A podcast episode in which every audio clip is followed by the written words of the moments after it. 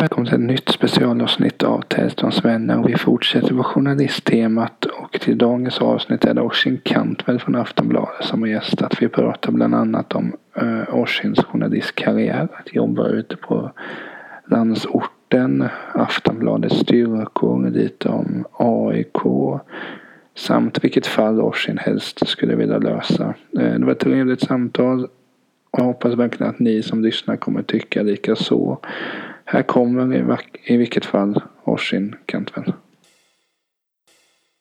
Vem är Oisin Cantwell?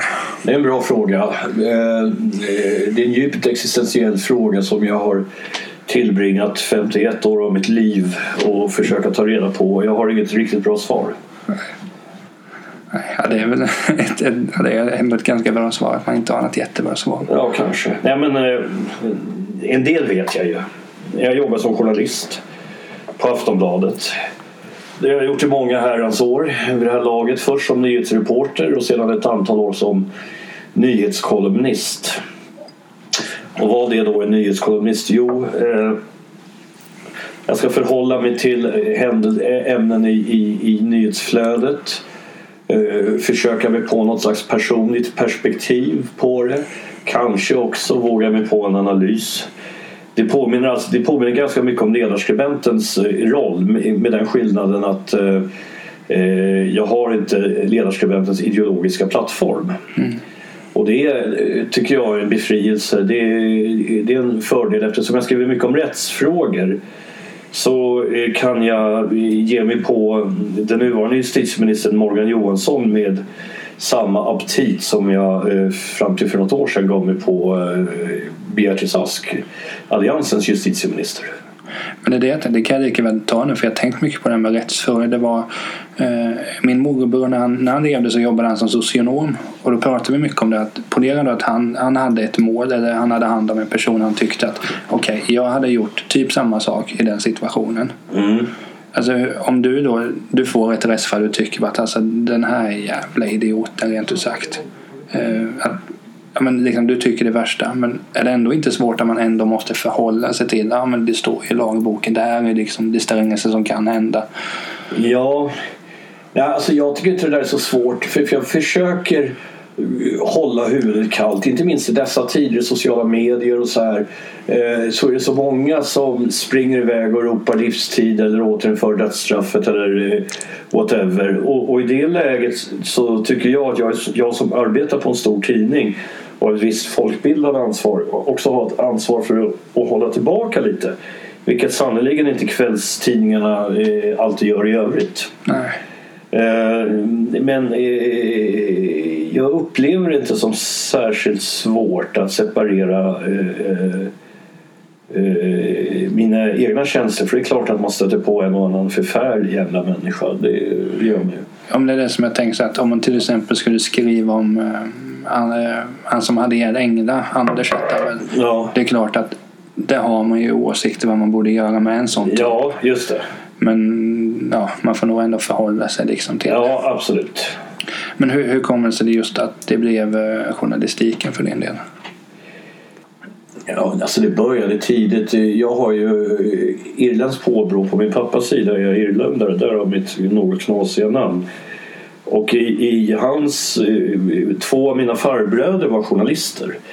Så det finns någon slags bakgrund redan där. Men eh, jag tror att det växte fram någon gång i gymnasiet. Jag hade en duktig svenska lärare som tyckte jag kunde skriva.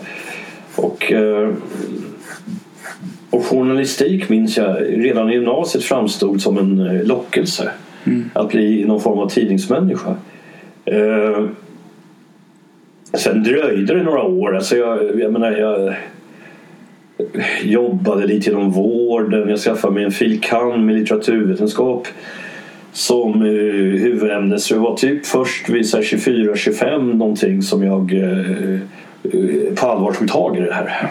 Började du någon högskola då eller? Eh, nej, jag gick eh, Poppius journalistskola här i Stockholm som är en eh, privat eh, kortare utbildning, kvällskurs två kvällar i veckan. Och eh, parallellt med det arbetade jag gratis en dag i veckan på lilla eh, Lidingö Tidning eh, för att skaffa mig arbetsprover. Ja. Och sen när jag hade gjort det där då sökte jag sommarvik på typ varenda eh, landsortstidning i hela Sverige. Ja. Och fick eh, jakande svar från eh, två tidningar, Östersunds-Posten och Sundsvalls Tidning. Ja.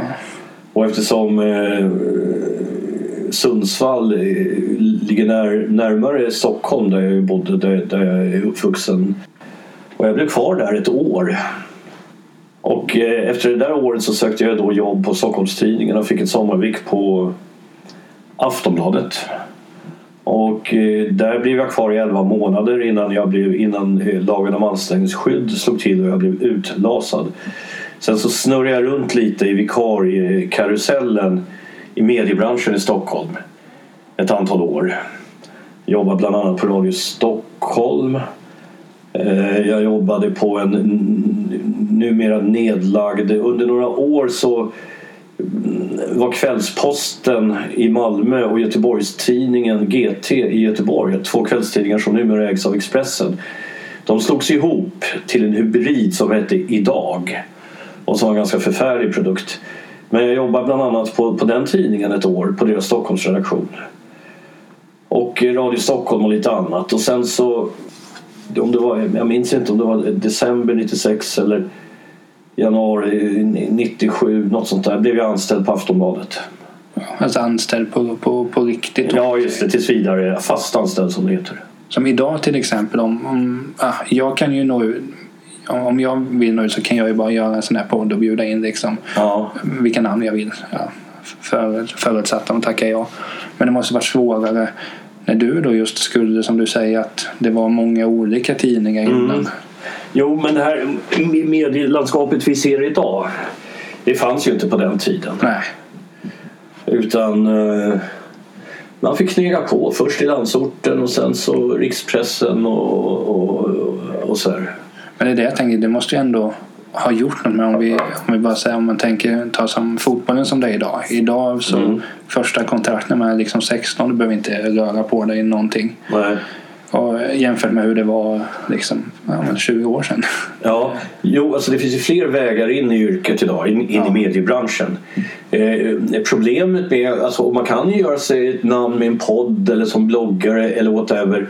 Men fortfarande är det så att vill man lära sig den konventionella journalistiken så måste man ut i, i den journalistiska verkligheten och jobba på en redaktion. Det är ett hantverk som, som tar tid att lära sig. Ja.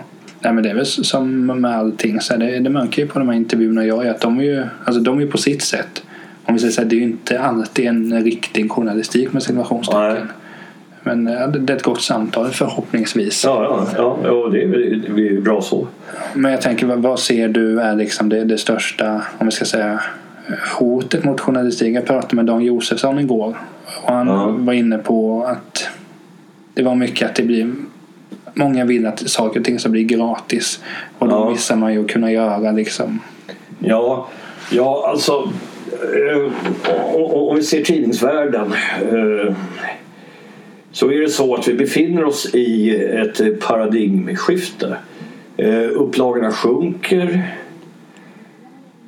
Färre och färre köper kvällstidningar, färre och färre prenumererar på morgontidningar.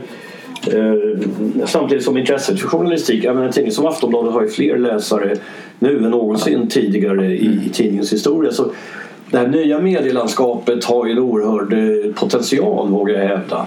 Eh, Vi måste bara hitta lösningen på eh, affärsmodellen för eh, eftersom vi inte är public service, eftersom vi inte får eh, våra pengar från staten så måste vi eh, vi måste tjäna pengar helt enkelt. Mm.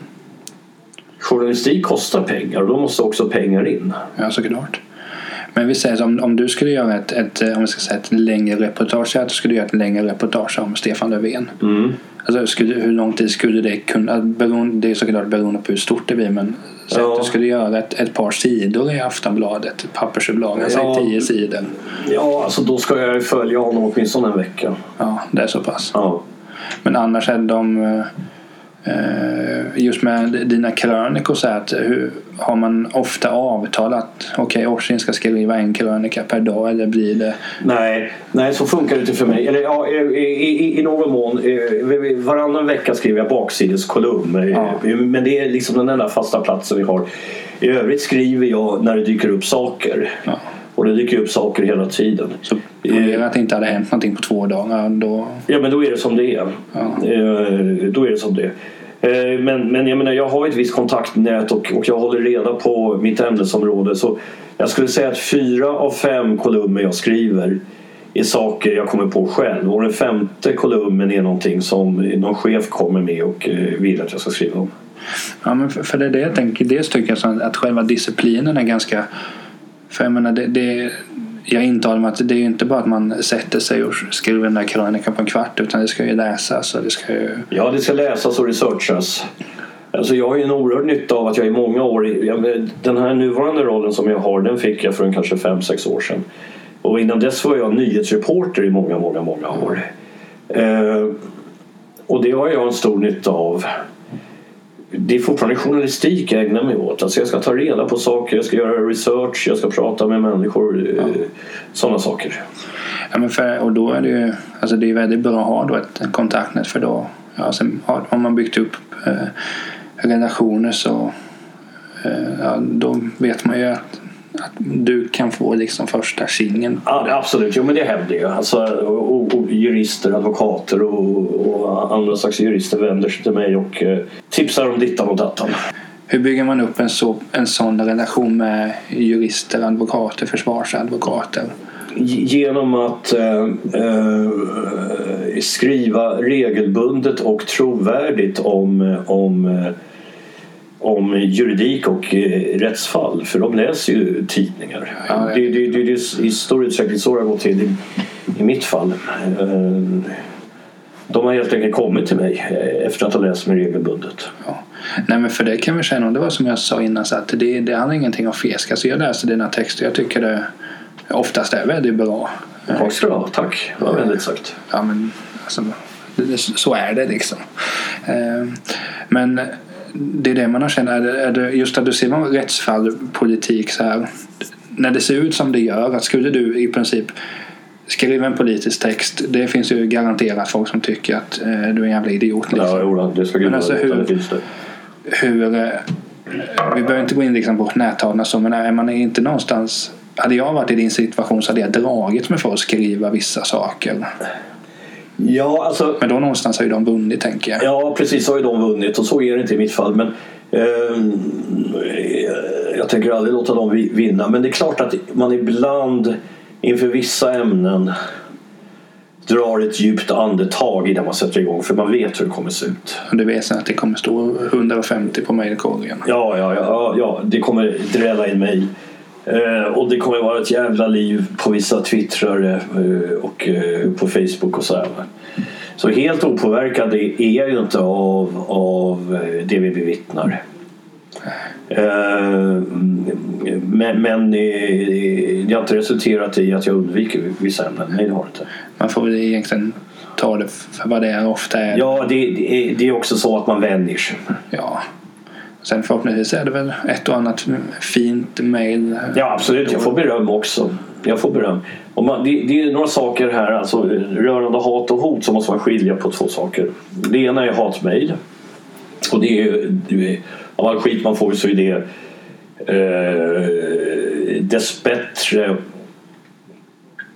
en eh, stor majoritet. Eh, Ja. Alltså eh, hot förekommer men inte särskilt ofta. Men har man, jag förstår man ska inte gå in på det, men har ni någon liksom man, man vänder sig till när det kommer in? Ja, eh, Af- Aftonbladet samarbetar med ett säkerhetsföretag som, eh, som eh, eh, handskas mycket med de här frågorna. Så Aftonbladet som arbetsgivare tycker jag gör ett utomordentligt jobb. De tar, de tar de här frågorna på allvar. Ja, det, alltså det, det ska man göra för man har ju sett vad liksom folk som hatar har gått ut på. Mm. Jag vet ju hur det gick med Anna Lind och någonstans Ja, oh ja. ligger det väl något hat bakom Palmemordet också. Ja, ja, på ett eller annat sätt, ja precis. Jo, men det här är frågor som ska tas på största all- all- allvar. Ja. Det är därför det är skönt att Uppdrag granskning och sådana här och även Aftonbladet att man, att man verkligen man förklarar hur det är. Att det är tyvärr så här det är. Att Mm. Visst kommer det in många säkert som säger att det här var Boroshin eller Åsa eller Laul eller vem det är som får det. Men det är ju, det är ju känslan man har fått att utan att kunna så mycket om det. Att det, det känns ibland som det oftast är mer hat slash hot än just beröm. Eh, ja, men det är det ju. Eh, eh, det, Det, det, det beror lite på på vilken arena man befinner sig i. Jag skulle säga så här. Ja, med Åsa Linderborg har man ju förstått att det, det är nog inte alltid så jävla kul att öppna mejlen där. Nej, nej, nej, precis, precis. Eh, men både hon och jag tillhör väl de som är, är, är de mest utsatta på tidningen. Eh, men i mitt fall är det väl så att i mejlen är väl proportionerna liksom 90 procent, du är värdelös och 10 procent, du är bra. Men sen finns ju andra arenor. Twitter exempel, exempelvis. Där är eh, proportionerna omvända. 90 procent beröm och 10 procent eh, Ja, det jag hajade till för jag Skit. läste någon, eh, eller det var på Youtube, eh, förlåt att jag avbröt, men det var du diskuterade om polisens framtidsroll eller något sånt här. Ja, Det fanns på Youtube och det var ju klassiskt att man var vänsterslödder och Ja, var hela det där. Men ja, jo. Det, är, alltså det är också så jag tänker att just sådana kommentarer kan man väl inte ta på allvar att någon Nej. tycker att man är Nej, nej, nej, nej, nej. just slödder då för att man Ja, ja, nej, men, upplevs sånt där är jag väldigt van vid. Det, det är liksom inget jag bryr mig om. för att gå vidare. Men varför var det just eh, rätts och politikfrågor som, för det är väl kanske inte i gemene mans öron de sexigaste frågorna att skriva om. Eh, nej, eh, nej, det där är en bra fråga. Men eh, som allmän reporter, som nyhetsreporter i många år eh, på kvällstidning så blir det ju så. Även om jag aldrig satt på rättsredaktionen så blev det ganska mycket eh, brott och straff. Och eh, och det innebar att jag utvecklade en viss kunnighet. Eh, så det blev ju naturligt att, att, att, att det i stor utsträckning var sådana frågor som jag började skriva om. Jag skriver inte bara om det men, men det är ändå till åtminstone 90 procent så är det sådana frågor jag skriver om. Och, eh, så det växte fram. Alltså, vi är ju några nyhetskolumnister på Aftonbladet. Det är jag, Peter Kadhammar, Kerstin Weigel, Lena Melin. Och det här är ju ett uppdrag som man själv måste fylla med innehåll. Ingen annan kommer på... Alltså man får utveckla den här arbetsrollen själv. Vilket jag också har gjort. Och, och, och då har, har mitt sätt att uh, skriva ut. Det var inte så att jag hade en färdig plan redan från början. Så här ska det se ut. Utan det har vuxit fram. Och det är ju någonstans ett väldigt tacksamt ämne för det tar ju aldrig slut. Det pågår.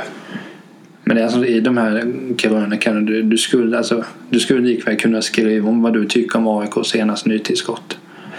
Ja, alltså kanske inte riktigt. eh, Jag menar, jag har ett, ett brett spektra. Jag kan skriva om väldigt många olika saker. Men, men sportmänniska, är, sportskribent är jag ju inte. Och det finns ett Eh, antal bra också som gör det där. Ja, eh, det, det har ju hänt för all del att jag skrivit i Sportbladet men då har det mer varit fråga om det var ju någon otäck dödsmisshandel här om året i, i samband med allsvenska premiären då Helsingborg mötte Djurgården. Eh, eh, och sen har jag väl skrivit lite om hu- huliganism och sådana där saker. Va? Eh, Men det kanske, det, det, det kanske inte blir vad man tycker om. Hur ska man använda det Dixon de Toho exempelvis? nej, nej, precis. Men, du, du, då är vi inne på Robert Laul-området. Liksom. Ja, och det är han jävligt bra ska Jo, sägas. jo, jo. Eller när, när jag fick den här intervjun med dig. Det är klart, då har man ju läst på som det innan. Så har jag ju läst den här krönikan. Sen var du ju med i en P3-dokumentär om hivmannen. Men min uppfattning är ju att jag hade ju fått för mig att du liksom hade läst rättskunskap. För du verkar ju väldigt kunnig där. Eh, eh, nej, jag har inte läst ämnet. Eh, däremot har jag med tiden lärt mig en hel del. Och, och, det, är också, det är det är ett ämne, det går ju hela tiden att göra ny research och googla sig fram till hur, hur det ligger till. Liksom. Eh, Men, men, men vid det här laget så är jag ganska kunnig. Ja, det får vi säga. Men vi säger så här, vil- vilka av de här fallen du har jobbat med. Jag nämnde hivman till exempel. Vilket är det liksom konstiga? Är det det du har hajat till på? Att, alltså, hur ligger det till egentligen? Eh, Ja, jag vet inte. Alltså, Hivmannen var ju minst sagt eh, intrikat får man ju säga. Ja, alltså jag, jag bevakade ju Breivik-processen i Oslo. Ja. Och det är nog det som har berört mig mest. För alltså det, det var så massivt, det var så tungt. Mig var det sannerligen inte så synd om, men man påverkas ju ändå. Eh, och eh, ja, men det var så fruktansvärt många tragedier. Som är en sån grej då, att, för det tänker jag när jag läste, alltså man, man blir ju så oerhört illa berörd. Och det handlar ju inte, alltså det hade man ju blivit vilka det än hade varit. Man behöver ju inte liksom dela politisk ideologi med dem det hände. Alltså, Nej. det är hemskt vilket fall, men det måste ju vara så sjukt svårt att, att, skriva om det. Ja, alltså ibland är det. Känslomässigt svårt. Ja, ja, ja, jo, ja, inte minst exempelvis Breivik blev jag väldigt påverkad av. Men nu för inte så länge sedan jag bevakade den här Lisa Holm-rättegången. Den påverkar mig också. Hon, för det var hon som i princip var hemma va? Sen vart hon överfallen. Ja, precis. Eh, och där satt ju föräldrarna med sin sorg. Och det blir man ju påverkad av. Men samtidigt är det så att eh, ja, alltså det här är mitt jobb och eh, även om det ibland känns känslomässigt tungt så är det bara att bita ihop och få det gjort. Det är som, som när man lyssnar på Peter Dokumentär om rättsfall. Är bara att se en, en film om rättsfall. Ja. Strunt samma om det är fiktivt eller inte. Men man blir påverkad och tänker att när man sitter där då som i fall med Lisa man ser det här, man ser där är den som troligen då har mördat, han varit bedömd. Ja, ja han, han, hovrätten fastställde för någon vecka sedan livstidsdomen. Ja, det, nej, men någonstans det ändå att jag tänker att om jag hade skrivit den, nu är jag inte etablerad så, men jag hade haft väldigt svårt att ta till när man tänker på liksom så att det kunde liksom vara jag också. Sen, Jo. sen är det väl som du säger att du måste ju skriva också. Sen är det klart att man må ju, det finns ju roligare saker att skriva om. Ja, det finns roligare saker. Jag, jag menar, så här, mina områden är ju inte direkt festliga. Nej. Det, det är ju inte Melodifestivalen. Nej. Å andra sidan är det ju viktiga ämnen så jag skriver bra mycket hellre om rättsfrågor och brott och straff än eh, Anna Bok. Ja, för hon har ju fått sin plats den senaste Ja, verkligen. Nej, men alltså, hur, hur tänker man som så här att om vi säger så här, du som då inom situationstecken skriver allvarlig journalistik. Alltså ser man, du verkar inte vara en sån, men ser man någonstans att det du skriver är viktigare än de som till exempel skriver om Melodifestivalen? Ja, alltså vi, vi, vi graderar inte riktigt på det där sättet. Jag menar, kvällstidning står på, på tre ben. Nyheter, sport och nöjen. Och jag tillhör eh, nyhetsbranschen. och jag, alltså, alla de här tre olika eh, benen som Aftonbladet står på behövs ju. Alltså, vi är ju Sveriges största tidning, över tre miljoner dagliga läsare. Och vissa intresserar sig för eh, vissa saker, eh, andra för andra saker. Men jag menar naturligtvis är Breiviks eh, terrordåd eh, någonstans viktigare än eh, Melodifestivalen. Det vore liksom fånigt att hävda något annat. Jag håller nog även tidningens nöjesjournalister med om här. Sen samtidigt, du, har ju- du har ju rätt i det du säger att Sen tror jag att just med Breivik, alla är intresserade men det finns ju de som inte bryr sig någonting om rättsfall men tycker det är jätteviktigt med Ja, Melodifestivalen. ja, men de finns ju. Ja. Och- Och de ska ha sitt de, sitt de också. Och framförallt när man är Sveriges största tidningar det, då, då måste man ju... Och, alltså, Aftonbladet är ju bra på det de skriver oftast. Ja, jo men alltså en kvällstidning ska ju ses, det är ju journalistikens Hennes och Mauritz eller Ikea. Alltså det är folkligt, det ska finnas något för eh, alla och en var. Och det ska inte vara allt för dyrt. Men eh, om vi tänker den senaste tiden så har det blivit ganska mycket, inte bara för dig utan journalister överlag, ganska mycket webb-tv. Alltså, Ja. Och det, det är kul att se och i vilken Ja. vecka tycker jag är det kul. Det, Och i vilken vecka är väldigt roligt att göra. Ja, det, det är kul när ni småkivas med varandra. jo men vi, vi, vi har roligt när vi gör det. Jo, men sådana saker, det, det måste väl också vara ganska uppfriskande att stå där och tugga i en 30 Absolut. minuter. Ja, ja, ja, men det är jättetrevligt. Alltså det, och det ligger också sent. Alltså, vi, vi, vi gör detta på fredagar. Och då, liksom, så här, då har man en arbetsvecka bakom sig. Det ska bli skönt med helg. Eh, och då är det väldigt trevligt att ägna sig åt lite lättsammare saker. I i vilken vecka, det, det är ju som när du sammanfattar Aftonbladet att eh, det pratas om sport, det kan pratas om rättsfall, Mm. om eh, Youtube-filmer med djur. Ja, ja, det är högt och lågt och allt möjligt. Det, det, ja, men det, det, det är väldigt roligt att göra det här programmet. Och det är också väldigt, det är ett av Aftonbladets populäraste program. Det är väldigt många tittare. Det kan jag absolut tänka mig. Jag, jag själv tittar ju på det så, så ofta. Jag kan ibland glömma bort att det har varit men då får man ju kolla efter. Ja, det går att titta i efterhand. Ja. Skulle du någon gång kunna tänka dig att liksom göra något påminnande om liksom Uppdrag granskning med göra det på Aftonbladet TV? Ja, alltså vi, vi, vi, vi har ju redan en del sådana satsningar, gran, granskningar och sådär. Och det, det skulle jag mycket väl kunna tänka mig att göra själv någon gång. Men jag tror ändå man ska bestämma sig för vad, vad är man? Och jag är i grund och botten skribent och det är det jag vill vara. Sen kan man göra lite, lite inhopp här och där. Ja, ja precis, precis. Det är väl som Stefan Schwarz sa, att ta fotboll. Man ska göra det man kan och inte det man vill. Eller något sånt där. Ja, jo, det är klokt sagt av honom. Ja. Klok spelare också. Ja, ja, mycket duktig och klok spelare. När man då har eh, skrivit så mycket om sådana här allvarliga saker kan det, kan det då vara skönt liksom. Sen har jag ju förstått på det att du är väldigt stor AIK-support så det är inte med glädje man kanske tittar de där 90 minuterna. Nej, inte alltid nej. nej. Är det kul att följa dig på Twitter i och med som sagt när jag är på IFK Göteborg att det kommer ju lite tweets om det. Ja, jo, jo jag minns ju alltså förra säsongen just AIK Göteborg. Där försvann ju AIKs guldchans ett par omgångar från slutet. Ja. Vi ledde över IFK Göteborg med 1-0 och klantade sen bort i ledningen. Var en väldigt svag match från AIKs sida och eh, två dåliga försvarsinsatser ledde till att Göteborg vände den här matchen och vann. Sen i slutändan så vann ju inte IFK Göteborg guldet heller vilket jag tyckte var jävligt skönt. Ja. Det var ju, Norrköping eh, förtjä, förtjänade den här allsvenska segern och spelade rolig, offensiv, bra fotboll. Sen hävdar jag ju att Blåvitt slarvade ju bort det där liksom. Det är så matchen mot, match mot AIK vann de ju till exempel men när de var uppe och mötte Djurgården det var ju, jag fattar inte varför man måste sparka ner en spelare så här, två minuter innan, innan slutet eller vad de gjorde. Nej. Så fruktansvärt dåligt. Ja, Och, match, och matchen mot Kalmar behöver inte gå in på då, blir jag bara irriterad. Men ja. kan det vara skönt att liksom ha eh, när man kopplar av att är det fotbollen som, som man kör då? Eller? Ja, eh, jo, jo, fotboll är ju liksom en bra ventil, eh, eskapism. Eh, menar, man kan inte bara ha jobbet i huvudet. Eh, Det, man måste ha andra saker också. Fotboll är en bra grej. Ja, och sen alltså fotbollen är en sån där grej att du och jag skulle ju lätt, hade tid funnits hade vi ju lätt här kunnat sitta och prata om fotboll i två timmar. Absolut, jo men det är det. Alltså, dels är det kul att, att ha ett lag eh, och, och kolla på matcher. Sen kan man för all del se bra fotboll utan att ha ett lag och, och, och, och kolla på. Men jag upplever ändå som det absolut bästa med fotbollen det är att man kan sitta och prata om det i evigheter. När du går på fotboll så är det Tänker man ändå på det? Säg då att du går fotboll och det är bengaler. Det, det säger jag inte för, för att liksom, eh, klandra ner AIK. Det är ju alla supportrar håller på med det mer eller mindre.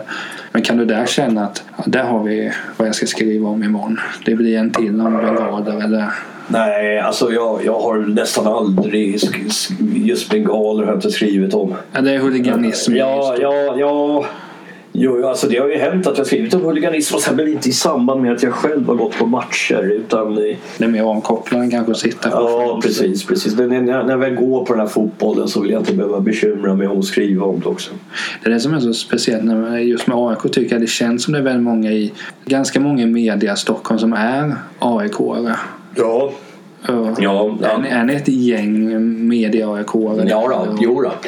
Niklas Strömstedt är väl, han är väl en ganska Ni- stor aik Ni, ni, Niklas är definitivt en aik uh, Vi har gått på någon match ihop rent av. Vilka är det mer som är AIK? Inte får outa någon men det är väl inte jättehemlighet. Nej, det är det ju inte. Vilka är AIK? Eh, Alex Schulman är ju ganska hardcore-gnagare. Ja, vilka har vi med? Dogge från Latin Kings är ju Han har varit med i hardcore. podden för övrigt. Har han? Ja. ja. Två timmar åkte vi runt i hans bil i Alby. Bra avsnitt. Ja, jag gick på... Jag var på någon match med Adam Tensta förra året. Och i England är det Liverpool har jag förstått. När du började heja på de här lagen, alltså, hur gick det till för dig? För alla har ju olika... Det är AIK som är det viktiga för mig, inte Liverpool. Men Liverpool på den tiden då jag var ung, nu, är vi tillbaka, alltså när jag var barn, nu är vi tillbaka vid 70-talet. Liverpool började jag heja på eh, därför att de alltid vann. Eh, de, var typ bäst i Europa på den tiden, så det var ju jävligt tacksamt att hålla på dem. AIK är det så att vi kom till Sverige när jag var fem eh, från Dublin. Eh, Irlands pappa, svensk mamma. Och eh, min första bästa kompis, eh, Patrik hette han. Hans pappa Franco höll på AIK. Ja. Och eh, lyckades få både mig och Patrik att börja eh, hålla på AIK. får du tacka honom. Ja, verkligen. Ja, det har du säkert gjort ett Ja, antal gånger. Nej men så helt enkelt om- Liverpool och AIK skulle mötas så står du i AIK. Eller Ja, absolut, absolut, absolut. Även om jag inte gör mig några illusioner om att AIK skulle slå just Liverpool för det skulle nog inte hända. Säg inte det. Alltså, Liverpool har en del spelare man undrar hur de ens kan vara proffs. Ja, jo, ja, ja, verkligen. Men, men jag menar, deras sammanlagda fotbollskunnande överstiger ändå AIKs. Jo, men jag tänker ändå Mignolet skulle kunna tappa in en och annan boll. Det skulle han definitivt kunna göra. Ja, ja, att AIK skulle kunna göra mål. Men säg att vi, vi skulle kunna göra ett eller två mål. Men vi skulle nog släppa in fem också. Ja, I och för sig. Eh, hur, vad är dina framtidsutsikter för journalistiken? Tror du att den kommer bli... Är det, är det positivt så att i princip alla kan vara journalister genom sociala medier? Eller? Ja, alltså för det första, det är just det där, numera är alla journalister, det är bara skitsnack. Det är ett hantverk man måste, det är ett hantverk man måste lära sig. Jag menar att alla kan ju ändå... Alla kan ha åsikter, eh, så är det ju, och nå ut med sina åsikter. Alltså, det finns ju någonting där med sociala medier som jag tycker är bra. Va? Eh, eh, Att man hela tiden är granskad hjälper en att hålla sig på tårna. Det är bra. Eh, Sen tror jag att journalistiken har en framtid. Eh, Eller rättare sagt, jag vet att den har en framtid. Behovet av kvalificerad journalistik kommer aldrig att upphöra. Eh, sen gäller det att hitta affärsmodellen. Att, att, att, att få det att funka ekonomiskt också. Och där ligger Aftonbladet väldigt långt fram. Inte bara med svenska mått mätt utan eh, även internationellt så ligger vi i framkant. Eh, vi lyckas ta betalt mer och mer för journalistik på, i de här nya plattformarna. Hemsidan och mobilen och sådär. Vi har ju runt omkring 230 000 tror jag plus abonnemang. Eh, Så vi lyckas ganska bra ta betalt och dessutom de digitala annonsintäkterna är ju sedan ett antal år högre eh, än, än eh, pappersannonsintäkterna. Ja, det är klart.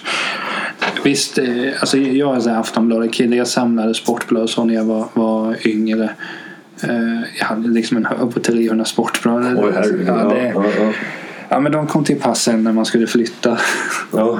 Nej, men jag menar Aftonbladet, det är det. Jag menar Aftonbladet är ju bra på det här. Dels de, de flesta tycker jag är Alltså det finns ju några man följer liksom jättemycket. Jag läser dig mycket. Laul eh, och Åsa till exempel. eh, Fruktansvärt jävla bra. Ja. Ja, men jättemånga finns det ju. Mm. Och även Aftonbladet är även bra på att göra liksom Många, som du sa att oj vilken vecka att det är jätte, att det är jättemånga som tittar men Aftonbladet är ju bra på att göra det eh, om nyheter, om alltså webb-tv, om, om alla de här grejerna. Och det, är inte, Ja. men det måste ju vara sjukt. Alltså det är ju bra att man har insett det att, att eh, visst man kan skriva det men man kan ju också göra och på, på den fallet som eh, Aftonbladet gjorde och den är ju, Fallet blev ju jättebra. ja, Ja, och det var intressant att det blev den eh, utveckling på ja vä- väldigt intressant. Jo men alltså det finns ju eh, helt nya möjligheter. Alltså det, det, det Aftonbladet jag började på det var en tidning. Det var en papperstidning. Ja. Och även om vi var tidiga på nätet så betydde det där med hemsida länge inte särskilt mycket. Liksom. Eh, nu är, är det helt annorlunda och, och eh, jag tycker att Aftonbladet bra har hängt med i inte bara hängt med utan varit ledande i utvecklingen. Ja, men jag menar det är inte för att prata som Sverige att jag upplever att, eller om Aftonbladet i Sverige upplever jag att Ta Expressen då. Jag, jag tycker in, inte alls att de är lika bra på tv. Visst, de gör tv-inslag. men nej, nej, nej, men vi, vi, Det är vad det är. Ja, nej, men vi, vi, vi, vi, vi gör det där betydligt bättre. Ja, och det, det, man märker det att när man till exempel då kollar på ett webb-tv-program. Mm. Så säg att jag inte visste vem Orson Kantner var. Då okej, du är med oj vilken vecka. Men han verkar lite småtrevlig. Det medför ju att Ja, men hans, då får man ju kolla in texterna lite. Ja, jo då, jo då. Men, jo, men det finns ju sådana vinster också. Ja, och det kan jag ju tänka mig att det är många som har gjort för din del. Ja, jo då. Eh, så, så kan det nog vara. Det är till och med, ibland är jag jävligt häpen för, för min identitet är ju ändå skribentens. Eh, ibland händer det att jag kan bli stoppad på stan och någon som vill säga att de tittar på i vilken vecka och tycker att det är så roligt och så undrar de om jag gör någonting mer på Aftonbladet än det och då blir jag alltid lika förvånad. Ja men herregud. Detta är inte min primära sysselsättning på tidningen för att uttrycka det milt. Det, känns som jag lyssnade på Offsides eh, podcast, där, fotbollstidningen. Och då sa ju de att det är jättemånga bara säger att det var någon som hade med ah, jättebra men ska ni inte få ner och göra en tidning också? det har de ju gjort ja, sen länge. Jo, det ska gudarna veta. De gör ju dessutom en riktigt bra tidning. Alltså, så det, det, det...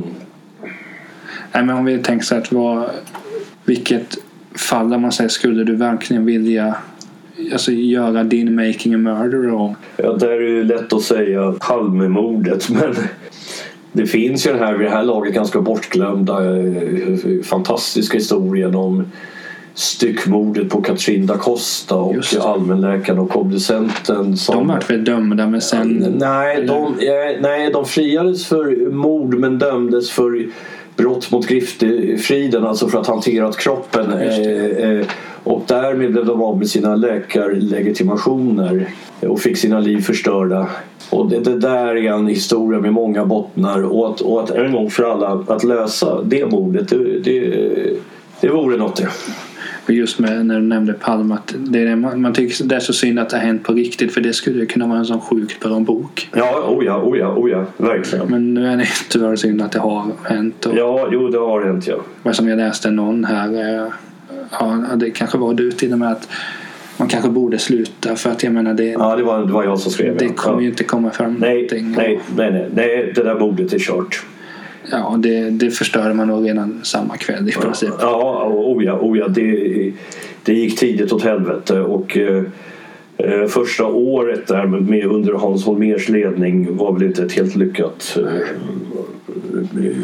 Palmeår. Men för att, det är snyggt att vi avslutar med Palme men jag ska dels eh, tacka dig väldigt mycket för att du ställde upp. Eh, det var väldigt kul. Tack själv. Eh, jag hoppas jag gjorde ganska bra ifrån mig. Jag tycker du gjorde en utomordentlig insats. Det blev ett trevligt samtal.